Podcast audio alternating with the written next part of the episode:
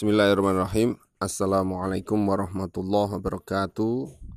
Alhamdulillahirabbil alamin wassalatu wassalamu ala nabiyyina Muhammad wa ala alihi wa sahbihi ajmain. Amma ba'du.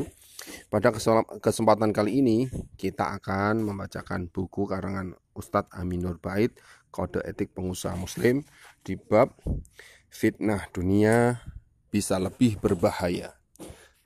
Setiap setiap umat memiliki fitnah.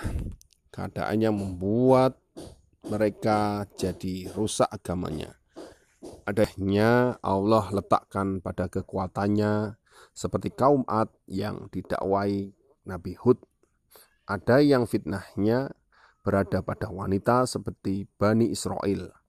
Sementara fitnah umat Nabi Muhammad Sallallahu Alaihi Wasallam Allah letakkan pada harta.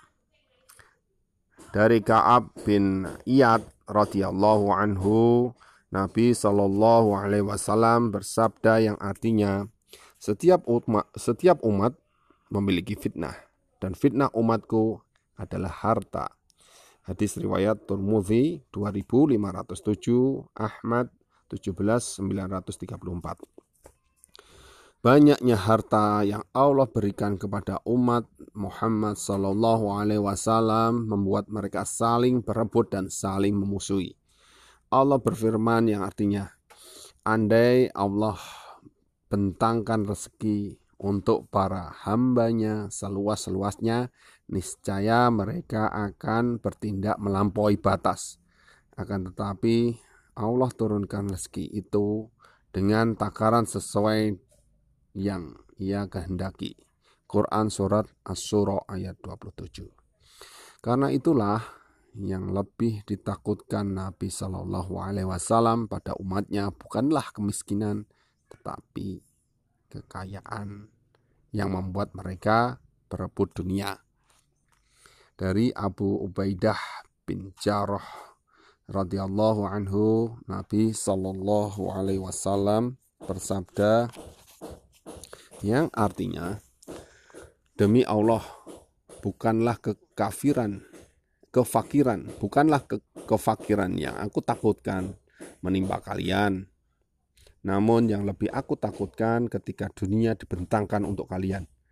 Sebagaimana dibentangkan untuk umat sebelum kalian. Lalu kalian berlomba-lomba mendapatkannya sebagaimana dulu mereka berlomba. Lalu dunia itu membinasakan kalian sebagaimana dunia membinasakan mereka. Hadis riwayat Bukhari 3158, Muslim 7614. Coba bayangkan eh, co contoh contoh contoh bahaya dunia bagi agama manusia. Nabi Shallallahu Alaihi Wasallam memberikan gambaran sebagai berikut dari Kaab bin Malik radhiyallahu anhu Nabi Shallallahu Alaihi Wasallam bersabda Dua serigala lapar yang dilepas di kandang kambing tidaklah lebih merusak dibanding ketamakan manusia terhadap dunia dan jabatan yang bisa merusak agamanya. Di riwayat Ahmad 16.198, Tormudi 2.550, Ibnu Hibban 3.228 dan disahihkan Su'aib al-Amnaud. Orang orang liberal berharap agar setiap karyanya dihargai dengan dolar karena alasan harta. Mereka menampakkan benci dengan Islam. Ulama Su'u jahat terhadap berharap kekayaan dari dakwahnya. Karena alasan harta, dia lebih memilih kesesatan dibanding hidayah. Pengusaha yang tidak memiliki takwa berharap bisa untung besar karena alasan harta. Dia harus melanggar semua aturan selama target tercapai. Riswah, sokok, menipu, riba, bahkan sampai harus membunuh. Termasuk di antara bukti bahaya harta manusia tidak peduli masalah halal haram di akhir akhir zaman. Dari Abu Hurairah radhiyallahu anhu, Nabi Shallallahu alaihi wasallam mengingatkan akan datang satu zaman di tengah manusia di mana orang tidak lagi mempedulikan apa yang diambil dia ambil. Apakah dari yang halal ataupun ataukah dari yang haram. Hadis Bukhari 2059.